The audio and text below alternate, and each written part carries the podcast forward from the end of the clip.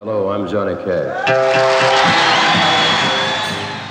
With the twilight colors falling and the evening laying shadows, hidden memories come stealing from my mind. And I feel my own heart beating out the simple joy of living, and I wonder how I ever was. Velkommen til en ny episode af Mediano Music. Bortset fra en enkelt episode af Lyttelandskabet med Tanja Brings Torbro her for en lille måneds tid siden, er det længe siden Mediano Music har givet ud fra sig. Men nu begynder vi igen, indleder efterårssæsonen, kan man sige, og det der er sket siden sidst er, at nu er vi rent faktisk flyttet ind i POV Internationals lokaler herinde midt i byen. Og min første gæst i det her nye setup er Dennis Grejs Lyholm. Velkommen til, Dennis. Mange tak skal du have. Uh, Dennis er... Du var ikke så vild med ordet ekspert, forstår Nej, jeg synes, jeg, jeg, jeg vil betegne mig selv som Johnny Cash entusiast. Det er jo, det er jo faktisk en, en titel, jeg deler med rigtig mange andre danskere og mennesker i hele verden. Ikke? Ja, men du ved rigtig meget om Johnny Cash, ved jeg. Og... Altså nok til, at jeg har fået bildt dig ind, at uh, jeg bør sidde her i dag, så... Uh... Det skal, det skal først og fremmest handle om, om et emne for, for nogle foredrag, du holder og kommer til at holde her i efteråret. De her seks American Recording album, der udkom i den sene del af Johnny Cash karriere, tror jeg ja. godt, man kan sige. Uh, og det ja, kom... efterfølgende også ikke Potom, at der kom ja, to album. Præcis, to af dem er faktisk ja. udkommet efter hans død, ja. og, og de var jo med til at genetablere ham. Og hvorfor så sidde her en uh, augustdag 2021 og snakke om Johnny Cash? Jo, men det er fordi, at jeg her tidligere i år opdagede fire album, der er udkommet det seneste års tid digitalt på Spotify med titlen Johnny Cash Forever Words Expanded. Har du lyttet til den? Det har jeg faktisk ikke så meget. Øh, jeg ved, det er udgivet af John Carter Cash og samlet forskellige øh, populære kunstnere, som har haft et forhold til Johnny Cash, og nogle af de her tekster, som han har haft liggende. Det kan være digte, han har skrevet, det kan være sange, han har skrevet, men aldrig har fået indspillet, fået øh, lagt musik til. Ja, præcis, ja. ja. Og, og jeg blev så begejstret for, øh, for de tre af dem, jeg havde lyttet til på det tidspunkt, at jeg tænkte, der skal være en podcast om Johnny Cash. og det er så det, vi er i gang med nu. Ja, her sidder vi. Ja, her sidder vi. Men jeg synes først lige, vi skal høre lidt om, om, om dig og Johnny Cash. Generelt så, så får jeg tit skudt i skoene. Nu er jeg jo 46 år gammel, fordi i 75 er det. Og øh, mange siger, jamen, du er så ung, hvorfor Johnny Cash? Jeg stødte på Johnny Cash, da jeg var fem år gammel. Jeg kommer fra et, et kristent hjem, og, og der hørte vi to slags musik. Det ene var gospelmusik, det andet, det var, når det skulle gøres rent, og min mor stod og svinge støvsugeren, så var det Kim Larsen. Men øh, amerikansk gospelmusik øh, havde jeg jo med hjemmefra. Og da jeg var fem år, fik jeg en øh, rigtig god ven, som hedder Jan. Hele, han kom fra en meget musikglad familie, og i hvert fald så smittede det af på mig. Og jeg kan huske, at øh, han fandt det album frem med den her mand, som sidder i øh, det her fængsel. Og der tænker jeg selvfølgelig på St. Quentin fra 1969.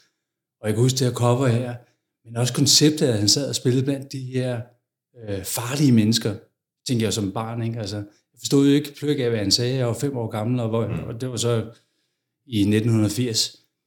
Men jeg kunne godt forstå den stemning, øh, der var i sangen. Jeg kunne godt forstå øh, den farve, at musikken havde. Og, og jeg var øh, både øh, fortryllet og, og, og skræmt. Og nogle år senere, inden vi blev teenager, så udkom jo Highwaymen, Johnny Cash, Chris Christopherson, uh, William Jennings og, og, og så Will Nelson. Ja, det er et hårdt hold. Ja, det er et hårdt hold. A-holdet. Og der var vi også de første teenager, der, der lyttede til den slags musik i uh, Lille Ringsted, hvor jeg kom fra. Så sker så det, at, uh, at jeg hører en masse musik, og årene går, og jeg udvikler mig også i en anden retning, og hører uh, mere rockmusik. Og uh, på et tidspunkt er vi så i 2002, så er der en kammerat, der spørger, har du hørt den nye med Johnny Cash? Og jeg er sådan, gud, nej, jeg troede, at han var død. og så sætter han den nyudkommende American Recordings 4 på, Man Comes Around, med Personal Jesus. Og så bliver jeg blæst bagover, at, hans version, jeg kendte jo udmærket uh, The Pets Mode, men at høre Johnny Cash i den her version, det, det talte til mig i, dybt ind. Vi skal bare lige omkring din, din optrædener. Altså, ja. du, du kommer så med i et orkester, eller I har et lille band, der rejser rundt og optræder med, ja. med kassesangen.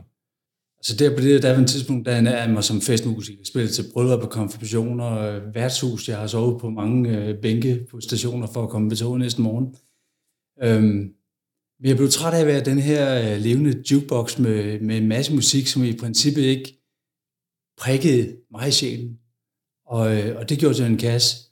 Så, øh, så simpelthen med det for øje, jamen så, øh, så ville jeg etablere et band, øh, som kun spillede Johnny Cash, og som gjorde det med den nerve og den fanden i voldsked, som Johnny Cash jo også besad. Da den første American Recording udkommer, der er vi fremme i 1994. Hvad er det egentlig for en Johnny Cash, der udgiver øh, det album? Altså, hvor er det, han har været hen i sin karriere? Altså, hans liv er lidt som en, en bibelfortælling, fordi at han har, været, han har både været helt op at ringe, og som, som storscene artist, da han i 1969 udsender øh, øh, St. Quentin, der, bliver han, øh, der siger han mest i hele verden. Okay. Mest sene artist i 1969. Jamen, det kan godt være, at vi andre har, ikke vi andre, men, men du måske har nogle minder om, omkring Beatles og Rolling Stones og Sam Garfunkel, øh, Elvis og hvad der ellers skal være. Johnny Cash er det største kommercielle hit. Og, øh, og der er han jo helt opringe, og han får efterfølgende sit eget tv-show. Og det her tv-show, øh, der når han ud til de her amerikanske familier, og, øh, og det er jo egentlig lidt øh, fascinerende ting på en mand, som jo op igennem 50'erne og 60'erne jo har været dybt afhængig af, af stoffer og alkohol, og som har lavet mange skandaler. Han har, han har både brændt et naturreservat ned ved en fejl, og mm. han har øh, smadret mange biler, og, og han er lidt af en børste der, men han bliver simpelthen øh, accepteret af amerikanerne. Og han, han bliver jo også frelst, om man så må sige. Ikke? Jamen det gør han jo. Altså, han, øh... Op gennem 70'erne daler hans popularitet.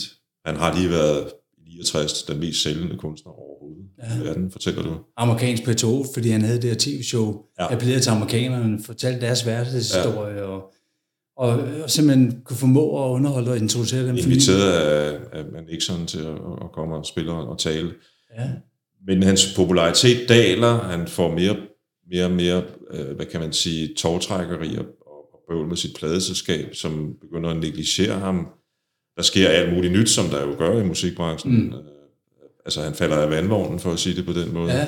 Øh. Men han bliver jo han bliver nok aldrig rigtig helt clean, fordi at, at også op i hans alderdom er der flere episoder, hvor han, hvor han på et tidspunkt, han sidder også under de American Recordings og, og græder i studiet. Så bortset fra, altså det, nu må du så rette mig, hvis jeg er helt galt på den her, men bortset fra The Highwaymen, er det vel ikke så meget succes, han egentlig oplever der? Nej, det er det ikke. Og, og i 80'erne heller for den sags skyld. Nej, fordi han bliver fritstillet fra Columbia Records i 86. Faktisk samme år, som de også øh, fyrer Miles Davis, så der kan man sige, at de rytter ud i nogle af de her ja. gamle koryfæer, øhm, og har åbenbart en idé om, at de skal lave en ny profil. Øh, men for Johnny Cash's vedkommende, der, så er det selvfølgelig et hårdt slag og, og blive ryddet væk fra det her pladeskab, som han jo... Ja, som han havde været med til at bygge op, faktisk. Ja, fuldstændig, ja. Han havde, han havde betalt for de stole, øh, de her men i jakkesæt sad på og styrede det her ja, ja, og for den sags skyld også gulvtæppet og malerierne på væggen, ikke? Også det, ja. ja. På et tidspunkt var han jo, altså han solgte jo, han solgte jo mere end alle de andre kunstnere på Columbia Records til sammen. Gjorde han det? Det gjorde han. så, øh, så man, man kan se, at altså, St. Quentin var en kæmpe, kæmpe succes. Så jeg synes også, han, hvis man skal være en lille smule øh, kold, jamen så var han også god til at iscenesætte sig selv. Det skal man jo heller ikke sige, være bleg for at kende. Men han havde en ægte kærlighed til de her mennesker, som, som havde set øh, livets øh, mørke sider. Og han havde selv været nede i de her veje her. Og hvis han havde drejet forkert et andet sted i sit liv, så kunne han også selv være endt der. En meget vigtig mand i den her sammenhæng, det er produceren og pladselskabsejeren Rick Rubin. Hvad var det, der skete? Jamen Johnny Cash, han er jo, han er jo helt nede i karrieremæssigt. Uh, han bliver fyret i 86, og øh, efterfølgende får han udgivet fire album, nej, fem albums på Mercury Records, som er et væsentligt mindre pladeskab, og, og som har en, en væsentligt mindre tærskel for, hvor meget han skal sige for at gå igennem nåløjet. Uh, det udfylder han så åbenbart ikke helt. Uh, så, så der i 91 bliver han igen fritstillet. Jamen, han har på et tidspunkt spillet for for eksempel 80.000 mennesker til nogle af de her store uh, gatherings af kristne mennesker, der, der mødte op, og uh, med Billy Graham, uh, som var uh, en af de prædikanter her. Ikke? Ja, de havde parløb på et tidspunkt. De havde parløb på et tidspunkt, ja, ikke? Så han var, jo, han var jo simpelthen øh, en, en, en ærke-amerikaner, en kæmpe amerikaner. En kæmpe stor stjerne, men lige pludselig så står han jo der, og, og det er så der, at uh, Rick Rubin oplever ham til et, et Bob Dylan uh, hyldeskoncert, hvor han tænker, hvad skal der lige? Johnny Cash? Ingen pladselskaber. Uh, og han har det her kæmpe legacy uh, af, af store, traditionelle albums, og, og den her, jamen, er det her amerikanske KFA, det her ikon her, som er ved at gå i glemsen. Og han har længe gået med en tanke om, at jamen, han kunne godt tænke sig at, at finde en af de her, som, øh, som var havnet ude på en sidevej i deres karriere. Og det bliver simpelthen deres øh, parløb, fordi han øh, efterfølgende opsøger en Johnny Cash og, og siger, jamen, jeg vil indspille et album med dig. Og Johnny Cash finder en smule skeptisk, fordi at, at Rick Rubin ligner ikke den gængse øh, pladeproducent. Han er langhåret, langskægget, går i en fedtet t-shirt, øh, badeshorts og, og så sandaler. Ja, så han arbejdede ja. sammen med, med, med hiphop, Jamen, og, og, og hård metal og sådan Præcis, noget. ja. Hans helt store ære i den her sammenhæng er, at han jo kunne se noget af Johnny Cash, som ikke ja. var forløst. Ja. Øh, ikke havde været forløst i, i, i årvis, ikke? Ja. Øh, og, og, og jeg vil lige sige, inden jeg synes, vi skal lytte til nummer fra den første American Recording, øh, som bare hedder American Recordings, øh, indspillet i 93, vil lige sige, at, at, at, at når jeg for, her for ganske nylig sad, jeg så en video med um, The Class of 55, ja. som vist nok er fra en gang i 80'erne, ikke? Ja, hvor de hylder øh, Elvis og... Ja. ja. Og jeg, jeg tænker også, når jeg ser det, altså her ser vi, øh, de var der, det var dem, der var der til at begynde med i studiet. Ja. Det er de der fire mænd, der har overlevet modsat øh, Elvis Presley. Ikke? Og det man ser, synes jeg, er en leg, nærmest sådan selvparodi på nogle mænd, der står og opfører sig noget virkelig sådan brunt amerikansk, sådan Las Vegas, et eller andet agtigt. Og jeg tænker, det må de kunne gøre bedre. Ikke? Ja. Og det var så det, Rubin mente, at i hvert fald Johnny Cash kunne. Ja. Jeg synes, at jeg har valgt fra den første plade, at vi skal lytte til The Beast in Me det er også virkelig en, en, øh, en, en fed sang, som jeg jo tænker, den burde øh, være, være skrevet direkte til Johnny Cash, og det er den faktisk også af hans øh, svigersøn.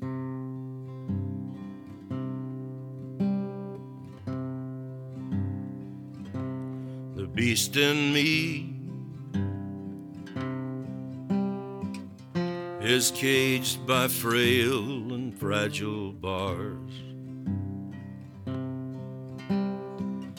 Restless by day and by night, rants and rages at the stars. God help the beast in me.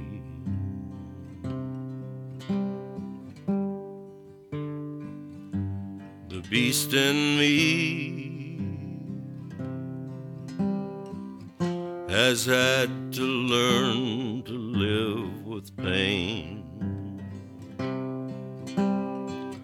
and how to shelter from the rain. And in the twinkling of an eye, might have to be restrained.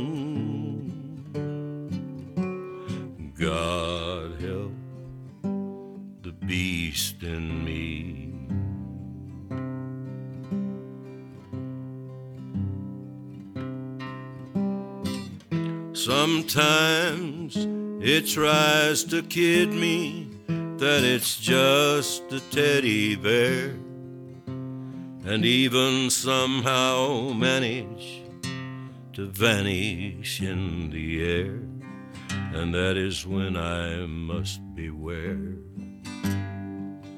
of the beast in me. That everybody knows. They've seen him out dressed in my clothes. På et tidspunkt, øh, hvor, øh, hvor hele cashholdet er i London for at give en koncert, så sidder de ude bagved, og Nick Lowe sidder med en guitar, og han sidder backstage, uh, inden at, øh, at Johnny Cash og June Carter og Carter Family og, og hele hans band, band skal ind og optræde. Og der sidder Nick Love som den der guitar. Men har, han har kun lige øh, sådan omkvædet lidt på plads, og sidder bare og leger lidt med det, og Johnny Cash siger, det kunne være en rigtig, fed sang. Og det skal faktisk vise sig, at, at uh, han ved flere lejligheder og holder Nick Lowe op på den her sang. Har du fået skrevet det? Nej, det har jeg ikke lige. Så kommer faktisk til at gå i hånd, altså omkring 12 år før, at den her sang, øh, i forbindelse med, at han skal til at indspille de her American Recordings, at han så får sat sig ned og skrevet den version, som Johnny Cash så indspiller. Der er noget med optagelserne foregik til dels hjemme hos uh, Rick Rubin, ikke? De foregik i hans uh, stue.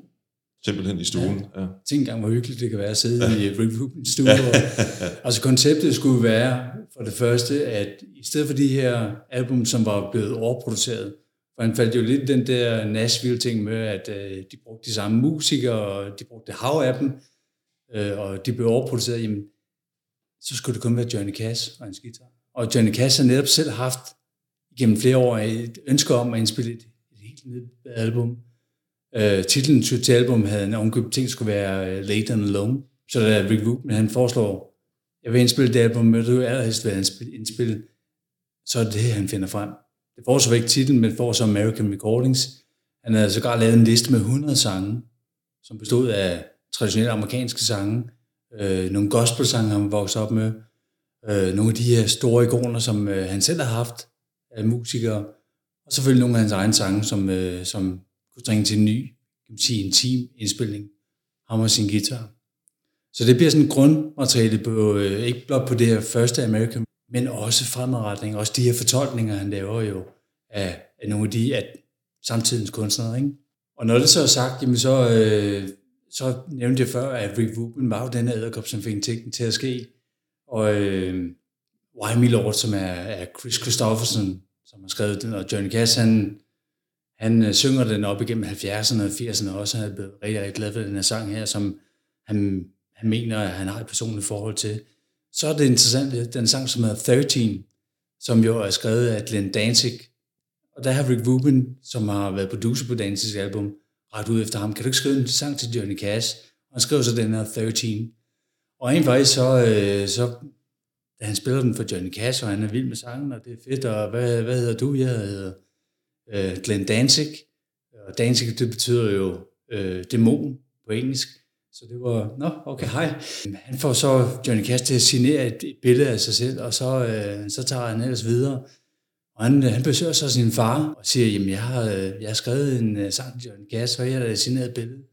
Og der, først der får han sin, en anerkendelse fra sin far. Now you made it, my son. Grunden til, at øh, Dennis og jeg, og du kan lytte og høre det, Like a Soldier i begyndelsen, det var, fordi det var en af de sange, jeg egentlig også gerne ville have spillet fra det første, men der bliver kun tid til et nummer fra hvert album. En del af historien om Johnny Cash, øh, som den her socialt bevidste, religiøse mand, var jo også, at han tog klar afstand fra Vietnamkrigen, hvilket jo gjorde ham jo også enormt upopulær i de der sydstater, der egentlig var hans øh, hjemmebane, ikke? Jo. Øh, fordi de er republikanere og, og, og støttede den amerikanske regerings ja. politik. Johnny, Johnny Cash havde ikke nogen politisk agenda som sådan. Han var vokset op med, at øh, man støtter præsidenten, den der nu sidder. I 60'erne og 70'erne, jamen, så kunne man enten vælge at være hawk, være for krigen i Vietnam, og den politiske beslutning bag, eller, eller være dove. Øhm, Johnny Cash betegner sig selv som a dove with claws. Og øh, det synes jeg beskriver rigtig, rigtig godt. ja, det er meget godt Ja. udtryk, ja. Og for egen regning tog han jo ned og underholdt de her soldater her øh, i Vietnam. Det er en meget vigtig, øh, hvad kan man sige, det er en meget vigtig skældning, den der, i forhold til, hvor manden politisk øh, øh, engageret partipolitisk, det var han jo ikke, som du selv siger. Men, men altså hans sange, og, og de sange, der bliver udvalgt også til det her album, og til, til, helt frem til det sidste, posthumane, eller hvad det nu hedder, øh, album, er der sange, der forholder sig til det med krigen. Mm. Der er også øh, på det her album en sang af Tom Waits, som vist nok er skrevet til albumet, ikke? Ja, det er rigtigt. Down There by the Train, som ja. øh, man kan sige, det er en meget Johnny Cash-agtig titel med, med toget der. Jamen, der, der, der har han virkelig den her sang her, der, der også på en eller anden måde framer Johnny Cash, fordi at uh, And the Soul Who, who Bears the Side of Christ, ikke? fordi han får også han får også noget religiøsiteten ind i, og noget mystik, og han får toget og det ene og andet. Og det er jo noget af det fantastiske, som, som Rick Rubin formår og, og simpelthen åbne Johnny Cash op, øh, både for Johnny Cash, men også for lytteren jo. Fordi at øh, han, skal, han skal genopfinde Johnny Cash, som jo har været i glemsen, men han skal ikke man sige, barn ud med badevandet. Og øh, han vil jo gerne lave et, et helt stykke album, som øh, binder Johnny Cassis historie, liv og, og hvad han står for sammen. Øh, og, og, og du spurgte mig på et tidspunkt om, om mit eget forhold til, til Johnny Cash, og der vil jeg så sige, at, at øh, ham har jeg ikke fuldt specielt meget. Men, men jeg sad en middagsstund i, i midten af 00'erne, altså det vil sige en 10 års tid efter, at det første American Recording album udkom. Og, og talte om Johnny Cash, fordi der havde, det har været omkring uh, premieren på filmen Walk the Line. Ja, det er 2005. Ja, Joaquin ja. Phoenix. Ja. Og, og, og, og der, der sad de andre tre fyre der og snakkede om American Recordings, og så tænkte jeg, at du skulle lige få tjekket de der plader der. Jeg var så begejstret for dem. Ja. Og jeg husker faktisk tydeligt, at jeg gik hjem om aftenen og fandt øh, de to af dem, jeg havde på CD frem. Det var ligesom en åbenbaring for mig. Altså ligesom da jeg første gang opdagede, hvor stor Elvis var. Ikke? Og siden er jeg jo så bare dykket længere og længere ned i dem. Det er også en af grundene til, at vi sidder her. Hvad kom det her første album til at betyde for Johnny Cash? Altså nu, hvis vi tager det foredrag, som jeg holder, så, øh, så kalder jeg det for American Recordings, øh, genfødslen af en amerikansk ikon. En af de ting, der jo sker, kan man sige, lige rundt omkring den første American Recordings-plade, er, at Johnny Cash lige pludselig opnår en masse hæder. Der, en, af, en, af, en, af, en af de projekter, som man kan sige, var det sådan mest, mindst tænkelige overhovedet, man kunne forestille sig omkring Johnny Cash hyldest, det var nogle engelske indie-musikere, der indspillede et album, der hedder Till Things Are Brighter, øh, til ære for Johnny Cash, øh, og, og Bono skriver The Wanderer, som han synger sammen med Cash. Ja. Og endelig øh, bliver han jo inviteret med til at synge et uh, Willie Nelson-nummer i sådan en hyldest, uh, Willie Nelsons uh, Willie Nelson tv-program, hvor han spiller sammen med musikere fra altså de tre helt store grunge band, altså Nirvana, Soundgarden og Alice in Chains. Så, så der er sådan en ny respekt omkring Johnny på det tidspunkt. Og så udkommer i 95, i 96 udkommer så det andet American. Og hvem der var med med den der aften i Vibe Room, de, det får også betydning for de efterfølgende album. Mm-hmm. For der er Tom Petty and Heartbreakers. Der er Red Hot Chili Peppers, som også er med til at være studiemusik, og koncerten blev i princippet lavet som en cleanse, altså for at rense rummet ud, efter at uh, River Phoenix, som var død af en overdosis, mm. det var Joaquin Phoenix også, som senere han kom til at spille Johnny Cash. Det er en sjov lille pointe der. Ja. Du nævner Tom Petty and the Heartbreakers, så det er jo faktisk dem, der spiller blandt andre på toren der. Ja. Og jeg har valgt, at vi skal lytte til et af Johnny Cash mange signaturnumre, nemlig Country Boy.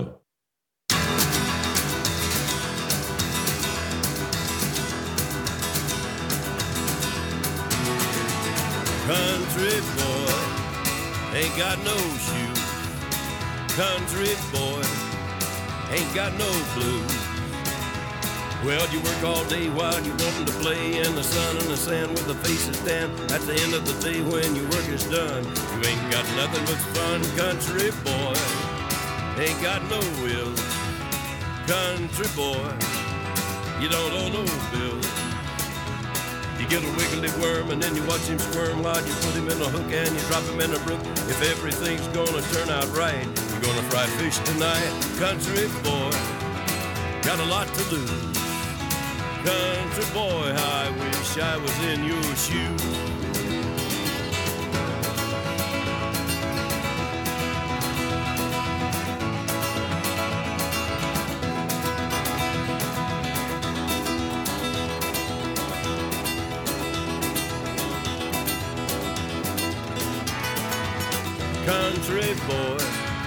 Got a shaggy dog, country boy, up a holler low.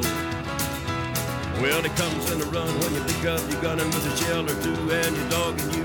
When you get your rabbit, your skin is hide. He's gonna be good fried, country boy. You got a lot to do. Country boy, I wish I was in your shoes.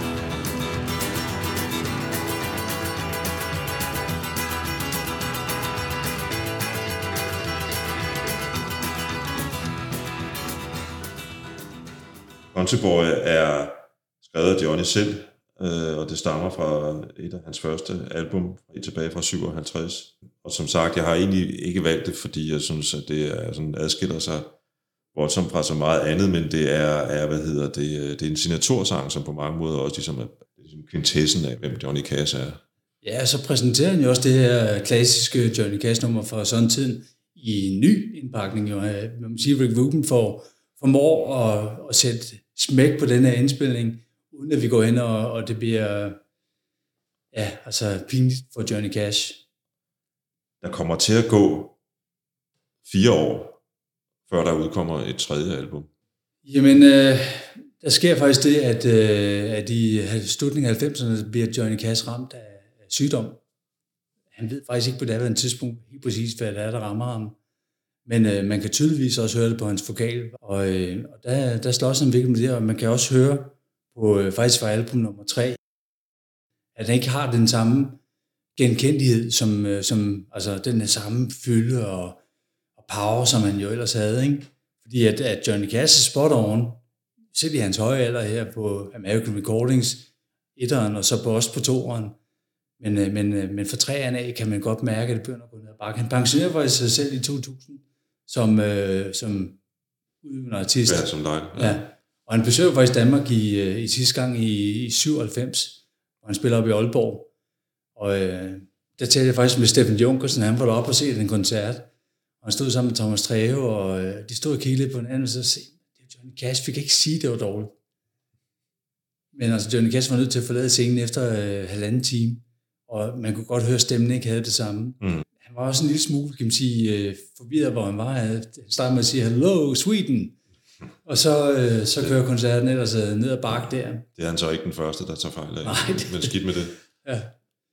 Men... Øh, så han havde det ikke så godt? På han havde det ikke så godt. Stemmen, og han, han kunne simpelthen ikke finde ud af, hvad det var, der havde ramt ham der. Så der, der er en person som hedder Johnny Cash, som er i en livskrise, men også kunstnerisk, fordi at han kan lige pludselig ikke det samme. Han har, han har i så mange år profileret sig og levet af at spille musik og være udøvende artist, og lige pludselig kan han ikke få det til at Ja, lige pludselig har han jo fået et comeback, ikke? Og, og alle vil se ham igen, og, Præcis. og alt muligt. Han ser også den der, øh, altså efter den første American Recording, ser han jo også, fordi han rammer jo MTV-generationen der. Mm. Øh, sport over med den der video med DJ Skoven, og han skulle da en badass morfar, og så begynder mm. han jo at sige album til de her unge mennesker. Ikke? Ja, ja. Og som, han ser den der skønne forening af de her konservative fans, som han har haft, og de her unge mennesker ud til hans koncerter. Det er det, der vil motivere ham til at arbejde videre med Rick Rubin. Det er en meget interessant pointe få med, fordi det der sker er jo, at han både, som du fremlægger det i hvert fald, han både holder fast i sit konservative gamle publikum i bibelbæltet, man kan sige det hvide gospelpublikum jo et eller andet sted, ikke? Øh, og så samtidig kommer ud i hipsterkvartererne på østkysten og vestkysten og, og over til Europa også. Ikke? Han kommer jo faktisk, altså som jeg husker det, turnerer han ret meget i 90'erne, ikke? Det gør han, ja. Ja. Han er også i Danmark i 94 i forbindelse med American Recordings. Og så, der spiller han jo på Midtfyns Festivalen. Ja. Og du også overse ham der? Det er svært ikke. Det der med at kunne spole tiden tilbage en gang med dem. Ja, det kunne man godt tænke sig ja. nogle gange. Ikke? Ja. Også i 92 uh, Highwaymen er i Valbyhallen, ikke? Jeg må beskæmmet indrømme, at på det tidspunkt kunne jeg ikke have drømt om at tage ud og se The Highwaymen. Altså nu sidder jeg og pisker mig selv, det kan lytterne ikke se. Og det, det, det vil jeg heller ikke, før jeg netop får den ligesom dig, American Recordings åbenbaring, der fører os kan man sige, faktisk hele vejen tilbage til hans øh, gamle materiale også, ikke? Mit, mit, det første step på min vej var en koncert på Roskilde Festivalen, som, som det har så været i faktisk 94, tror jeg nok, samtidig med, ja, så American ja. Recording udkommer. Hvad hedder han? Dwight Yoakam. Man kan godt svinge sig lidt op i det patetiske og sige, der så jeg country-lyset. Ja, og det kan jeg også godt forstå, fordi Dwight Yoakam er også, øh, han spiller også den her gamle country-stil. Der. Ja, han, han, han, og han, han, faktisk i han ligger også i den der, hvad hedder det, um, outlaw country-tradition. Præcis, ja. ja. Og øh, han er faktisk, øh, hvis vi tager tilbage der i 96, hvor han bliver fyret, han er på Columbia Records. Han går ind og, og banker i bordet og siger, I fyrer Johnny Cash. Tag lige fødder ned for det bord der. Han, han har betalt for det bord. Mm. Han var harm over det. Ja, ja. Og, og det kan jeg sgu godt forstå, når nu vi taler om outlaw country, så har jeg faktisk valgt igen ikke, det mest kendte, ikke et af de mest kendte, mest kendte numre fra træerne her, nemlig I'm Leaving Now, men simpelthen fordi Cash synger sammen med en anden legende, nemlig Merle Haggard. Og, og, og man kan sige, at jeg, jeg har valgt altså min lille hyldest til den, en anden stor held på kontescenen, og så er der jo den pointe i det, at, at Haggard så lyset under en koncert med Johnny Cash i St. Quentin. Det var St. Quentin i 1959, ja, okay. hvor Johnny Cash jo kommer ind, og faktisk ikke nogen stemme. Okay. Men han, formåede alligevel at, at samle det her publikum af de her inmates og, og tryllebinde dem. Og det var virkelig det, som Merle Haggard jo, han, han så lys i. Ja. Så han, øh, han bliver nogle år senere løsladt på under god opførsel, og så er han så øh, helt store Skal, skal vi ikke lytte til de to gamle badasses? Ja, jeg skal gøre det.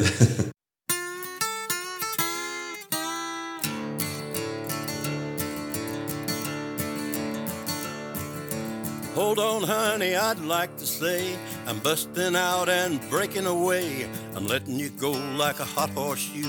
I can't take another heartache from you. Think about how it's gonna be when you start back to needing me. When your dancing shoes have lost their shine, I'm gonna be gone in mine. I'm leaving now. I'm leaving now. Get out of my face, get out of my place. I'm leaving now. Adios, I'm leaving now. Yeah, the time may come when you trim the fat, feed the kitchen straps to the front seat cat. Bye bye, baby, when the bills come due, you might have to give up a jewel or two. Eat your heart out anyway, it's hard as your head and it's cold as clay. It's all over now, you won't have me, sugar daddy or your money tree. I'm leaving now. Yeah. I'm leaving now. Get out of my space, get out of my face, I'm leaving now. Hey, I'm leaving now.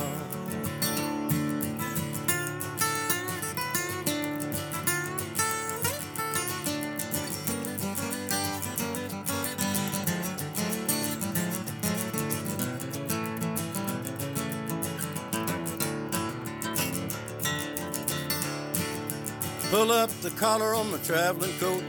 Sell that miserable pleasure boat. I wouldn't give a nickel for another buck. I'm living on muscle, guts, and luck. If anybody asks where did I go, tell them I went. Og hvis man også ser på, øh, på træerne, så, øh, så spiller han jo også blandt andet uh, One, en YouTube-sang. Som måske er et af de allermest kendte, Jamen, det- faktisk fra den her, ja. Her seks plader, ikke? Det kan man godt sige.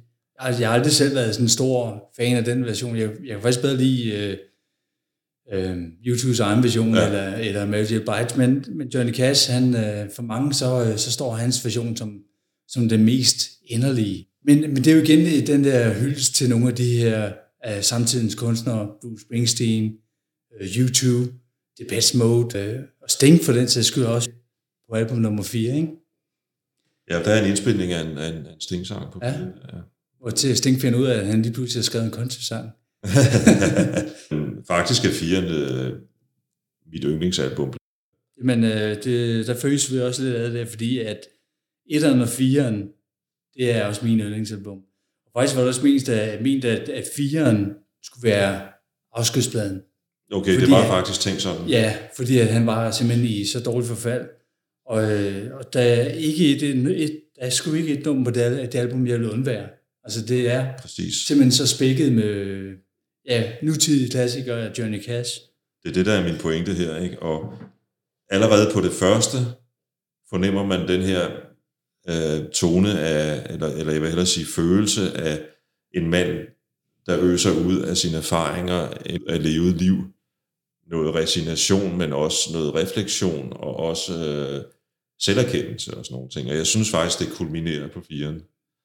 Og med dine ord, jeg, der er ikke rigtig nogen numre på det der fjerde album, som, som jeg ville undvære. Der er den der version af Hurt, som er et Nine Inch Nails nummer. Jamen, den video, den er jo også øh, uden sammenligning. Øh, altså, hvis man ikke klipper en tårer til den her video, som jo øh, starter med at vise Johnny Cash som, øh, som ung musiker, og så hvordan han også bliver, bliver ældre, men, Ja, ja, men, men også den smerte, han synger i. Og det, øh, det er jo faktisk lidt pudsigt, fordi den sang, som Hurt, er jo ikke øh, kendt den brede offentlighed. Men øh, som sagt, er skrevet øh, Ja. Nine Inch Nails, øh, som er Trent Reznor. Ja, Og Trent, det er faktisk øh, Trent Reznors mest personlige sang. ja, Men når man hører Johnny Cash version af den, jamen, øh, så har man den her klare fornemmelse af, at den omhandler Johnny Cashs liv med misbrug. Øhm, og hvilken sorg det har været for ham og hans nærmeste. Men sangen blev jo ikke skrevet med det i tankerne overhovedet. Nej, Men det er jo det, Johnny Cash kan, uden at ændre et eneste ord i den tekst, så formår han at øh, få lytteren igennem den altså, her. han synger jo øh, John Lennons In My Life, som om den var skrevet til Johnny Cash også, ikke? Det er jo det, han kan. Og han synger, øh, han har det her fuldstændig umulige projekt, og vil lave en version af Bridge Over Troubled Water, ikke? Altså, Ja. vi ved jo alle sammen, Som jo hvordan... også lykkes, ikke? Altså, Som også lykkes. Vi ja. ved jo alle sammen, hvordan det lyder, når Art Garfunkel han kravler op på toppen af Empire State Building og kommer så højt op, og så tænker man, Johnny Cash, det er en mand i forfald. Altså i hvert fald øh, en sygdomsramt mand, ikke? ja. Men, men de gør så den lille øh, geniale ting her på det album. Ja, Fiona Apple kommer ind og synger sammen med ham. ja. Og, og der er også et par andre du, duetter, ikke? Altså prinsen af Murder Ballads, Nick Cave, på I'm So Lonely I Could Cry også, ikke? Jo. Øhm, der findes en optagelse med Elvis, øh, hvor han skal til at synge den live. Det er fra den sene del af hans karriere. Han præsenterer nummeret, og så siger han, The saddest song I ever knew. Ja. Og det er det virkelig også. Så skal vi også til- tilbage til The Saddest uh, Artist You Never Knew, altså Hank Williams, Ja, som ja. jo er the godfather of, of country music Ja. på et eller andet plan. Ikke? Ja. Øhm, og hans liv var jo i hans tekster, Mm. og, og hans liv var absolut ikke nogen dansk prosa. Jo. Nej, Så øhm, man kan godt sige, at, at ligesom Elvis øh, tog en forholdet med den pris, der havde, ikke? Ja. så kan man sige, at Hank Williams gjorde det samme for den gener- eller de der 3-4-5 generationer af countrymusikere, der kom bagefter. Ikke? Ja. Altså, fordi han, han, han sled sig selv op. Den anden duet, det er så, øh, hvad hedder det, Don Henley, som synger sin og Glenn Frey's Desperado sammen med Johnny Cash på det her album. Ja. Og så er der et nummer. Vi har allerede hørt dig spille det. Efter min mening, måske næsten det bedste nummer. Ja, hvis man kan gøre op, hvad der er det bedste nummer. uh, Seks. der bevæger vi os ud på noget, der er så svært. Men for mig har det jo den her, og også for dig jo, Ja. for min den her særlige betydning. Altså, vi kender Depeche Mode, og, og, og det, så i Depeche Mode jo, kan man sige, klinger mere hul, når de siger Personal Jesus, og formentlig men sarkastisk, så for, formår Johnny Cash jo at løfte den op til en gospelsang. Og han formår, det er ligesom, at der, der, det nummer får så meget kød på, selvom det er pillet helt ind til benet. Ja. Og øh, han gør det til sin egen vision. Dave Gahan har faktisk sagt et eller andet i stil med, jeg ved ikke, om jeg citerer ham korrekt, men øh, så må jeg stå på skud for det, øh, at, at, øh, at, at han synes, den version rammer noget, som deres overhovedet ikke rammer. Jeg er meget enig. Det, ja. Og han, Han, han, giver en ny dimension til nummer, Ja. ja. som det ikke har haft tidligere. ja, fordi det, det, om det er, som du siger, ironisk ment eller ikke, det ved jeg faktisk ikke, altså fra, fra, fra deres side. Det har jeg svært ved at, kan man sige, om det er. Men, øh, men, men de var jo ikke kendt for at være religiøse. Jo. Nej, overhovedet ikke. Nej. eller, eller, men der formår Johnny Cash jo at gøre det mere traditionelt og, øh, og mere cash. Hvis, hvis du skulle vælge et nummer fra det her album, så, så skulle det nok være Man Comes Around. Fordi at, øh, der er han jo ude i, at øh, han har haft en drøm i tre dage omkring øh, dommedag. Altså, hvor sort bliver det ikke? Altså, vi har, vi har Johnny Cash, som jo selv hænger på sit yderste. Det her bliver formentlig hans øh, sidste åndedrag på det album her, ikke?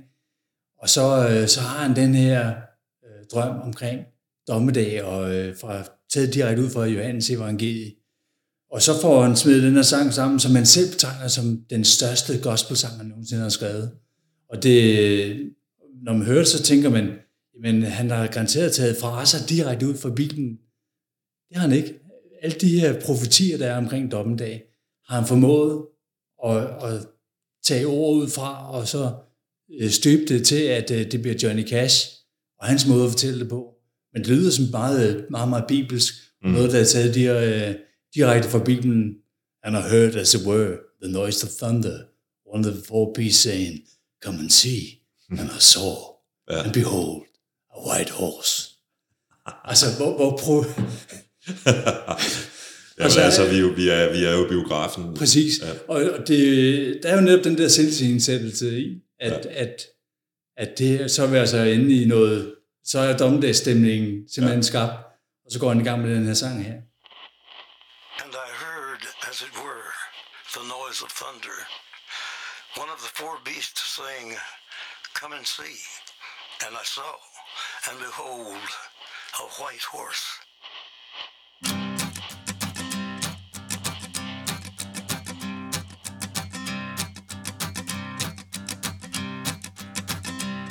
There's a man going round taking names, and he decides who to free and who to blame.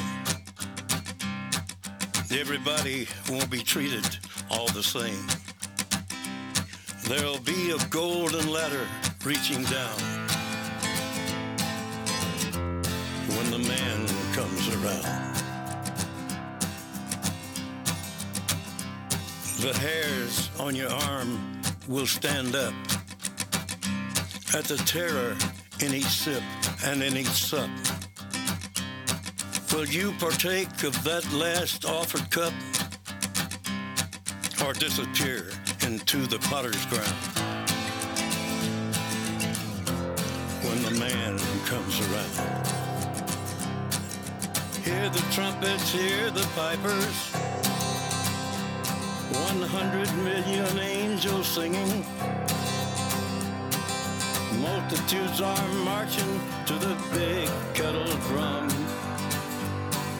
Voices calling, voices crying. Some are born and some are dying. It's Alpha and Omega's kingdom come. And the whirlwind is in the thorn tree. Virgins are all trimming their wicks. The whirlwind is in the thorn tree. It's hard for thee to kick against the pricks. Till Armageddon, no shalom, no shalom. Then the father hen will call his chickens home. The wise men will bow down before the throne. De er tæt sammen hver dag. Og øh, jeg ved ikke, om du nogensinde har haft et, øh, med et venskab med en, som lavede mixtape til dig. Det er jo et gammelt øh, begreb fra før i tiden, hvor man, hvor man simpelthen blandede bånd sammen med alle mulige numre. Det var faktisk det, at, øh, at Rick gjorde i stor del, stor del med CD'er. Han øh, lavede sådan et, et, som kunne have en inspiration til Johnny Cash i forhold til alle de her album her. Fordi han jo godt ville øh, inspirere mig i en ny retning, og, øh, og samtidig bevare det samme, men altså, og der er jo en ganske fin historie om, omkring netop, øh, hvis vi tager det album nummer to, uh, Unchained, uh, det nummer, som er Rusty Cage, som jo er Soundgarden, Chris Cornell. Og det er jo virkelig skrevet som et, et uh, metalnummer. Og, og det var også på en af de her, uh, så at sige, mixtape, eller en af de her CD'er, som Johnny Cash modtager. Og uh, Rick Rubin, han ringer sig til ham, hvad, hvad synes du om nummeret? Og ej, det der, jamen det, det så har du tabt sulten, det kan, det kan jo slet ikke, det kan jo slet ikke, øh, det er jo slet ikke mig, det er jo slet ikke, men prøv at høre teksten, kunne det ikke være? Jamen, jeg kan jo slet ikke, jeg kan slet ikke se melodien, jeg kan slet ikke synge det. Så øh, Rick Rubin, han retter henvendelse til netop Chris Cornell og spørger, kan du ikke skrive en, skal du ikke skrive den i en mere Johnny Cash-venlig version? Og Rick Rubin kan simpelthen ikke, øh, Chris Cornell kan simpelthen ikke se det. Han kan simpelthen ikke se det nummer i en anden version, end det er. Så, øh, så det må han afslå. Øh, og så, øh, så får øh, Rick Rubin så fat i Red Hot Chili Peppers guitarist på daværende tidspunkt. Øh, det var efter, at øh, John Frusciante, han, øh, han havde sagt op, så havde de fået ham fra øh, Jane's Addiction ind. Mm. Øh, og så sammen med ham, så får han så fundet frem til det groove, som øh, Rusty Cage har. Og så, får, øh, så, så indspiller øh, Rick Rubin det her nummer, hvor han sidder og reciterer teksten, og så kan Johnny Cash se, at det godt kunne blive en Johnny Cash-sang. Og så formår de simpelthen at lave den her Rusty Cage, som jo blæser alle bagover, fordi der var der ikke nogen, der set komme, heller ikke Johnny Cash selv. Men det er jo det, som Rick Rubin kan.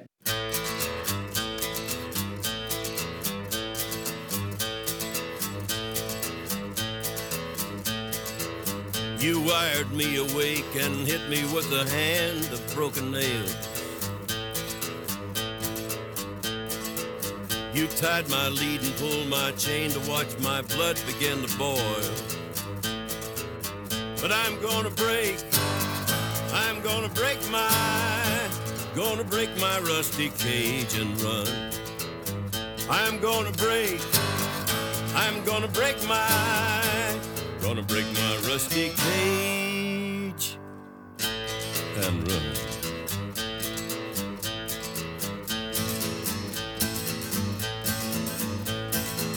Too cold to start a fire, I'm burning diesel, burning dinosaur bones. I'll take the river down to Stillwater and ride a pack of dogs. I'm gonna break gonna break my, gonna break my rusty cage and run. I'm gonna break, I'm gonna break my, gonna break my rusty cage and run.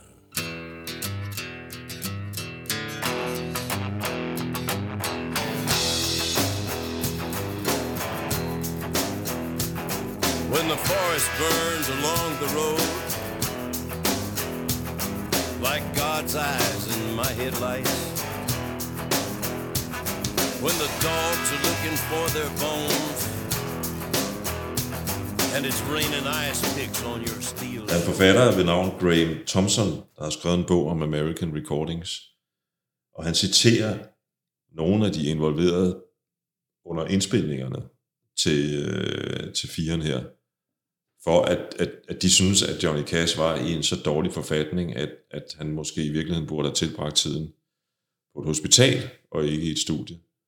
Var det sådan, at Johnny Cash han ligesom trodsede sin sygdom og insisterede? Jamen, det er jo, det er jo faktisk det, der bliver resultatet af de sidste to American Recordings, hvor han er i en sådan forfatning. Øh, faktisk i 2003. Altså de to, der udkommer efter hans død. Præcis, ja. ja. I 2003 er han simpelthen i så dårlig forfatning, at han har fået en voldsom lungebetændelse, ligger indlagt, og læger og personale siger, jamen, I bør samle jer nu og tage afsked med ham. Ja. Men så det var June Carter. Det var den, der havde set komme.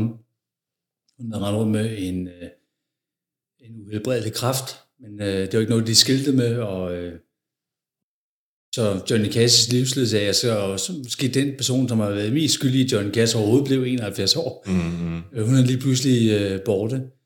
Og der er det netop, at han spiser, speeder sige, hans tid i studiet op. Han, altså, han kunne lige så godt have lagt sig til at dø. Han dør jo tre og en halv måned senere. Men, Okay, men de her tre og en halv måned, det er der, hvor han indspiller materiale til de her to sidste American Recordings. Altså han er Han, er, han overlever det, ja. den der lungebetændelse, men han har, han har meget lidt lungefunktion tilbage. og også høre det på hans stemme selvfølgelig. Præcis. Man Altså, der er også, øh, jeg tror, jeg læste anmeldelsen af det, hvor øh, overskriften øh, var, lyden er død. Så Mhm. sådan skal det åbenbart Men, blive. men der er også en amerikansk anmelder, der kaldte det for hospice rock. Og man kan jo tydeligvis høre, at han er i så dårlig forfatning. Altså, de var nødt til at tage et år en gang, en gang imellem. Og andre gange var de nødt til at... Men altså, hvis han, han selvbredt tillod det, og han synes det, jamen så indspil det. Men imponerende nok, at på 3,5 måneder får han indspillet to store albums, som man jo tydeligvis også kan høre, er lige så, øh, altså, som er skær, i skærende kontrast til den der stærke mand. Så lige pludselig er han, er han helt knækket. Han har ikke øh, sin, sin stemme længere, men han har virkelig hjertet på rette Men sted. det var også en af de ting, jeg faldt for, da jeg faldt for, som jeg nævnte før. Ikke? Det var, hvordan de her plader jo beskriver en mands udvikling. Altså Mm. på godt og ondt, ikke? Og, og hans, øh, som sagt, hans refleksioner og selvindsigt og, og, og, erkendelse af, at han er ikke længere den her store macho, øh, badass outlaw, øh, og som, som holdt øh, de, de udstødte i hånden, som han også gjorde. Ikke? Mm. Han er en svag ældre mand, der synger sange om at være på nippet til at dø. Altså, Ja. øh, fordi det, det, det er der sådan set en del af dem, der handler om. Ikke? På, det, på det der, altså, som det så udkommer så, hvis nok i, øh, altså femeren der, den udkommer i 06, ikke? Det vil sige Det er rigtigt, ja. tre år efter. Ja, jeg tror, det er lige så meget for at, at strække det ud. De er godt klar over, at det har en masse materiale, som rækker til langt ind Mm. til efter hans, hans liv. Ikke? Altså her i nullerne også. Og vi har jo ikke hørt det sidste til Johnny Cash. Der bliver med at dukke indspilninger op. Også Jeg fra, nævnte, jeg nævnte jo et eksempel her. Det var Ja. så ikke med ham, men med andre, ikke? men her Ja. i begyndelsen. Ikke? Og, øh, og alligevel synes jeg, de formår, øh, og, altså det, jeg synes ikke, der er noget grav i, i det. Øh, og specielt ikke på de sidste to American Recordings. Nej, fordi de er også, det er også gode plader. Ja. Præcis, det er gode plader. Jeg tror simpelthen, at, øh, at de har, de har ville strække lidt, og til folk også var mere sultne på, at øh, der skulle komme noget nyt, og så har de det her materiale. Jeg synes i øvrigt også, at, øh, at American Recordings øh, femeren her, 100 Highways, jo er også er et, øh, et ret stærkt album. Og jeg kan rigtig godt lide, at øh, efter Help Me, mm. at han så øh, begynder at, hans version af God's Gonna Cut You Down. Altså, det kan ikke blive mere. Altså, så er han på nakken af lytteren igen, ikke? Jo. Men der er jo også nogle, altså, der er jo også nogle sange, hvor, hvor igen den der øh, fornemmelse af en mand, der ligesom prøver at tænke et langt levet liv, ikke? altså ned i tre minutter, Ja. I andre menneskers sange oven i købet, eller andre komponisters sange, ikke? altså On the Evening Train, det er en gammel Hank Williams, Hank Williams sang, for Ja. eksempel. Ikke? Uh, A Legend in My Time, det er jo oplagt. Den, den kunne Ja. være skrevet til Johnny Cash, den er så skrevet af en, der hedder Don Gibson, ikke? Men, Jo. men, uh, men det kunne have været. Og så der er ikke mindst også uh, den store Cash-fan, Bruce Springsteens Further On Up the Road, ja. som jeg, jeg sad og, og lyttede lidt til det i aftes, så sent som i aftes, ikke? Og det lyder jo som om, han ligesom siger til June. Så, Vi ses længere på vejen. ja, ja, lige præcis, ikke? Så, øh, og det er jo det, han er klar til, og man kan, man kan også høre, at han er klar til det. Hvis man også tager like the 309, hvor, hvor, hvor han jo så er på det her sydgående tog øh, væk fra, fra livet, ikke? Jo, og, og, og det er jo sjovt, eller ikke sjovt nok, men det er jo faktisk skrevet af ham selv oven i købet. Ja. It should be a while before I see Dr. Death, so it would sure be nice if I could get my breath. Well, I'm not the crying nor the whining kind till I hear the whistle of the 309. Of the 309. Of the 309. Put me in my box on the 309. Take me to the depot, put me to bed, blow an electric fan on my gnarly old head. Everybody take a look, see I'm doing fine. Then load my box on the 309, on the 309 on the 309. Put me in my box on the 309.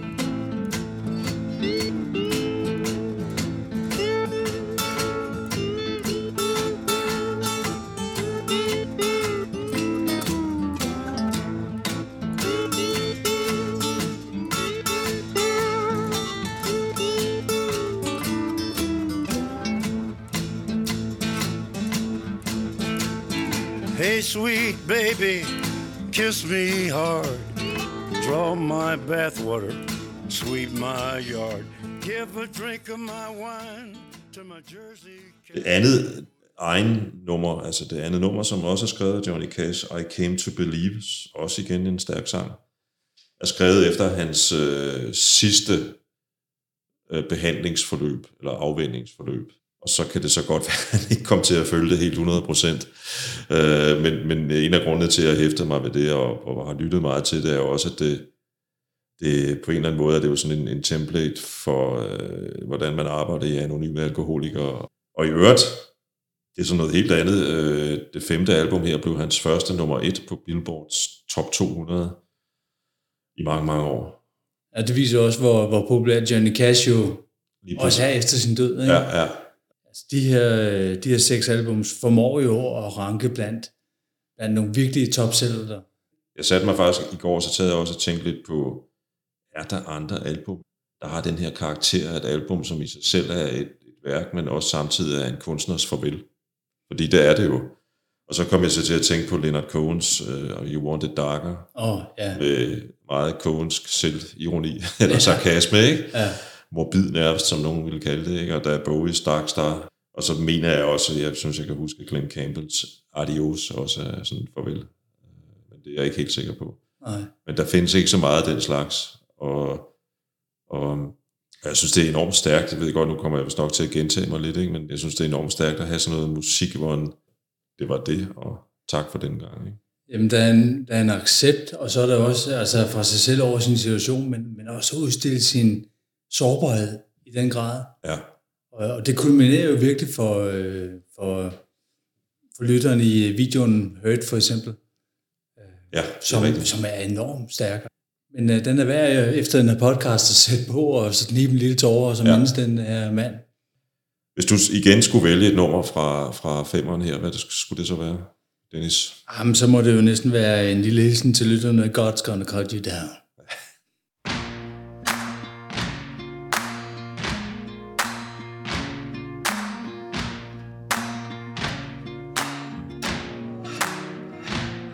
Can run on for a long time, run on for a long time, run on for a long time. Sooner or later, gotta cut you down. Sooner or later, gotta cut you down. Go tell that long tongued liar, go and tell that midnight rider. Tell the rambler, the gambler, the backbiter. Tell him that God's gonna cut him down. Tell him that God's gonna cut him down. Well, my goodness gracious, let me tell you the news. My head's been wet with the midnight dew. I've been down on bended knee, talking to the man from Galilee. He spoke to me with a voice so sweet. I thought I heard the shuffle of angels sweet. He called my name and my heart stood still. When he said, John, go do my will. Go tell that long-tongued liar. Go and tell that midnight rider. Tell the rambler, the gambler, the backbiter. Tell him that God's gonna cut him down. Tell him that God's gonna cut him down. You can run on for a long time. Run on for a long time. Run on for a long time. Sooner or later, gotta cut you down. Sooner or later, gotta cut you down. Well, you may throw your rock, hide your hand, working in the dark against your fellow man. But as sure as God made black and white, what's done in the dark will be brought to the light. You can run on for a long time. Jeg kommer jo også til at tænke på øh, Rick Rubins rolle, og i øvrigt tror jeg også, at øh, Johnnys søn John var vel også med som producer på noget af det seneste her. Ikke? Vi har den her meget svækkede mand. Det må egentlig have været en ret udf- noget af en udfordring med de her indspilninger. Altså, det, det, er jo, det er jo blevet klippet meget, meget sammen. I forhold til, for det første, hans stemme, øh, kunne nogle gange, eller hans, hans luft var kun til at måske at lige udtale et enkelt ord. Øh, men sådan var det jo ikke hele tiden. Nogle gange kunne han selvfølgelig også synge de her sætninger. Men, øh, men han har typisk, han har været meget, meget svækket. Og at de har formået at få det ud af de, øh, på- det på de sidste to album, det, det synes jeg er helt fantastisk. Det sjette, Ain't No Grave, er jo sådan en slags, jeg hørte det lidt som sådan en anden afdeling af to album, som hænger sammen. Altså. Og det er stort set covernummer det hele, der er vist nok kun et enkelt, som, som Johnny har skrevet, der er Chris Christoffersens For the Good Times. At det er, jeg tidligere kaldt uh, øh, endnu en anti-krigssang, eller i hvert fald en protestsang. Sheryl Crows uh, Redemption Day. Ja, som også er virkelig, virkelig... Den, øh, den er samfundskritisk i et format, som Johnny Cash jo ikke engang har Ja. tidligere har Ja. adresseret jo. Ja, Så der, der går han i kød på de her politikere. Han går, som, han går jo han går faktisk kødet på, øh, på det tidspunkt siddende amerikanske præsident George Bush. Øhm, og han, han laver sin egen version af Paulus første brev til korinterne med de der meget øh, berømte sætninger. O død, hvor er din brød? O grav, hvor er din sejr? Ja. Men han skrev jo også en bog omkring Paulus. Det er en af En fiktiv øh, roman, som hedder The Man in White. Fordi at han, øh, Paulus han, var, han forfulgte jo øh, de kristne. Han blev udpeget øh, af romerne til at, at forfølge de kristne og slå dem ihjel. Og slog mange kristne ihjel, indtil en, en dag blev ramt af, af lyset, og Kristus kommer og slår ham til jorden. Og, øh, og fra det øjeblik bliver han kristen selv. Og Johnny Cash øh, føler en samhørighed, eller følte en samhørighed med, med Paulus, profeten Paulus. Det med at have gjort så mange forfærdelige ting, som jo ikke er kristne, men, men at man stadigvæk kan vende sig mod øh, kristendom og lyset. Eller i hvert fald stadigvæk øh, mod frelsen. Det er jo noget, der passer rigtig godt ind i Johnny Cash's sort-hvide univers, mm-hmm. som, øh, hvor det er nemlig, altså hvis man tager helt grundlæggende for det første American Recording, som jo er frelse og synd, og der er jo der er det rigt repræsenteret af begge dele på, på de her sange, som, øh, som han fortolker her. det virker jo for mig, der kun kender det perifært, ikke som om han på noget tidspunkt har været i tvivl. Men det var han måske også i forhold til sin tro. Jeg tror, at, øh, at øh, helt tilbage i 50'erne og 60'erne, hvor han, hvor han jo har haft en illusion om, at han skulle leve det her familieliv, og han, skulle, øh, han ville jo starte ud som gospelsanger. Det var hans, hans vej ind i musikken. Så da han kom efter hans service, efter at have aftjent sin værnepligt i Europa, i flyvevåbnet, jamen så bosatte han sig i Memphis, bliver gift der, og så søger han hen mod Sun Records, hvor han mener det her, at han skal finde lykken som gospelsanger, men gospel er outdated der, der er det rock. Mm. Så, øh, så han tager jo faktisk, og jamen, så tager jeg den stol i stedet for, og, og så øh, formår han jo sidenhen at udsende adskillige gospelalbum, står ikke på Sun Records, andre steder, ikke? Ja. Um... Men jeg tror bare det ikke at kunne øh, leve op til sit eget image, af i virkeligheden at være religiøs og kristen, men, men øh, vældig med stoffer og kvinder og skandaler og hvad det ellers var. Altså, og trods det, jamen, så, så accepterede amerikanere ham jo, og gjorde ham til, til det, altså den her ærkeamerikaner, som han er den dag i dag jo. Han, han er jo i, i, i en eller anden udstrækning, er han jo egentlig sådan en slags amerikansk John Kim Larsen, ikke? Altså forstået jo. på den måde, at Kim Larsen var også en, på, på visse områder en kontroversiel person, men, men han, han i går så han fik lov til at være der af danskerne, fordi øh, han, han, han ramte en eller anden dansk tone i, i, i sine sange og i sin væremåde, ikke? ligesom Johnny Cash var, var på den ene side var patriot, patriot og samtidig øh, åbent kritiseret nogle ting om. Altså han er nok helt sikkert et sted mellem John Monsen og Kim Larsen, ikke? Altså, fordi at, øh, at øh, John Monsen jo også var mere kontroversiel en gang med ikke? Ja. Og, han ja. havde nogle voldsomme slåskampe med sig selv omkring sine sange. Der er nogle, øh, noget af det, jeg har stusset lidt over på sekseren her, ikke? det er, at der er nogle øh, par, par sådan klassiske folkesange. Lars Snyder havde The Strangest Dream, som igen er en slags Antikrig. Ja, øh, en antikrigssang, ikke? og så en, en, øh, en dejlig sang, som jeg faktisk ikke var kendt i forvejen, nemlig Tom Paxtons Can't Help But Wonder Where I'm Bound, som er en fed, fed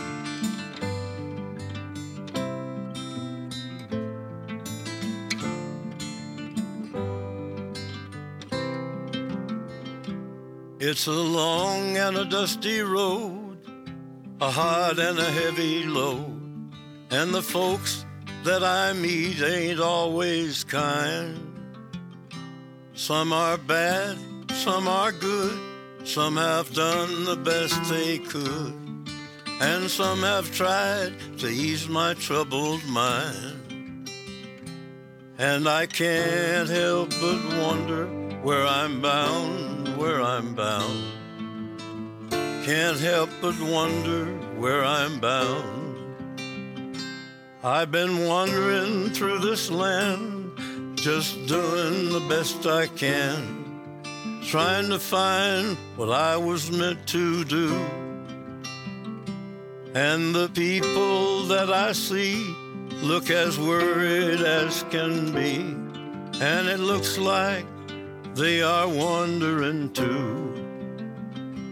And I can't help but wonder where I'm bound, where I'm bound. Can't help but wonder where I'm bound.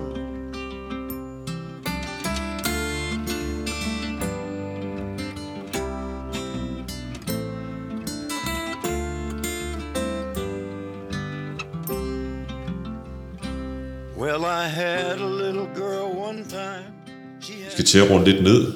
Hvis du ligesom skulle sige noget helt overordnet omkring de her American Recordings, er der noget, nogle steder, hvor du kunne sige, det her er ikke så godt, altså, eller, eller er det et, øh, et storværk for dig? Som generelt synes jeg, at, at det er, er seks rigtig, rigtig fantastiske album. Nu personligt så har jeg jo, at uh, nummer et, American Recordings, og nummer fire, Man Comes Around, står for mig som de, uh, de to stærkeste, ja. øhm, kompositionsmæssigt også. Og, og øh, jeg kan rigtig godt lide, at, at han selvfølgelig også får band på, og det må man sige, Tom Petty and Heartbreakers, de øh, klæder de her album. Mm, det er rigtigt. Rigtig, rigtig godt, og formår at, og, øh, og for, formidle Johnny Cash i en ny sydstatslyd. Øh, og det er jo virkelig sydstatsrock, ja. øh, der bliver sådan pakket ind som Johnny Cash, ikke? Eller, eller omvendt. Og, og jeg vil så sige, øh, nu får jeg sikkert øh, tæv for det, hvis en, jeg, fra en, jeg kender, hvis han overhovedet gider lytte til det her, ikke? så længe. Øh, nemlig, at, at det, det er jo også egentlig meget rart at høre The Heartbreakers uden Tom Petty stemme. Men det er en smagssag. Øh, jeg har besluttet, at vi skulle runde ned med en sang, som faktisk ikke optræder på nogle af de seks album, men som jeg er meget, meget glad for. Altså endnu en versionering. Vi var inde på Fiona Apple før, ikke? Ja. Det er deres version, hende og Johnnys version af Father and Son, altså Cat Stevens Ja. gamle nummer. Det, det er en sang, som ligger på et album, der hedder On Earth. Jamen, det er simpelthen øh, nummer, som er indspillet i forbindelse med de American Recordings, som ikke har, har formået at komme på de her originalalbums, men som har en berettelse alligevel. Og det er jo noget af det her ekstra materiale, som kommer øh, i forbindelse med det. Og, øh, og det album indeholder jo også øh, hans, øh, hans øh, gospelalbum, som hedder øh, My Mother's Hymn Book, som, hvor han sidder med sin guitar, øh, og han, det er faktisk hans favoritalbum, også blandt det, det er mine favoritalbum. Jeg voksede op med det her gospelmusik, og der kan man virkelig høre, altså, øh, høre hans, øh, hans take på øh, sydstats gospel. Det skal jeg have tjekket. Ja, Meget muligt. stærkt album. Grunden til, at jeg har valgt den uh, sang, som vi slutter af med, det er også, at, at uh, altså enhver, der har været søn og eller far, kender jo det der med at have øh, en, en relation til sin far eller søn, ikke?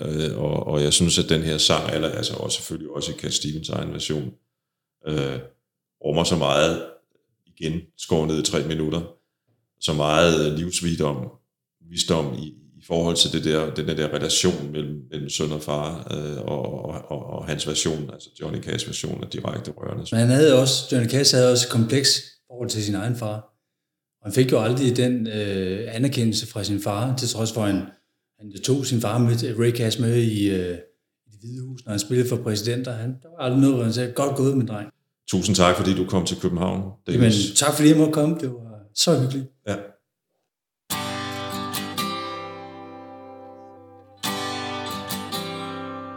It's not time to make a change.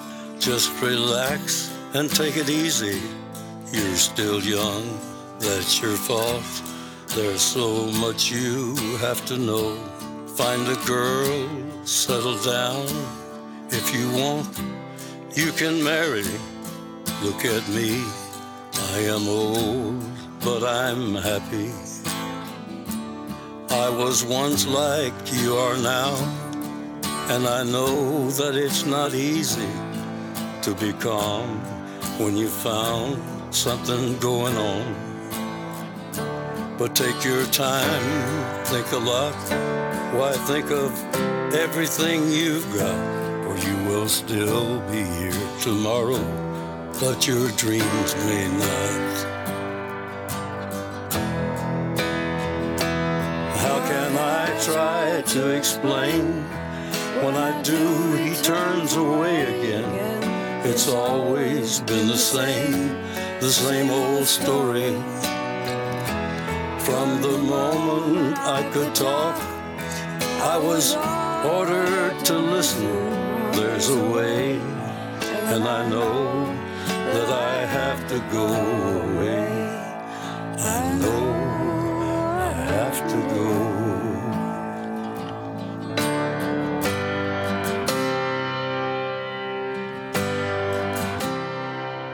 It's not time to make a change. Just sit down and take it slowly. You're still young, that's your fault. There's so much you have to go through. Find a girl, settle down. If you want, you can marry. Look at me. I am old, but I'm happy. All the times that I cried keeping all the things I knew inside. It's hard, but it's harder to ignore it. If they were right, I'd agree. But it's them, you know, not me now. There's a way, and I know I have to go away. I know I have to go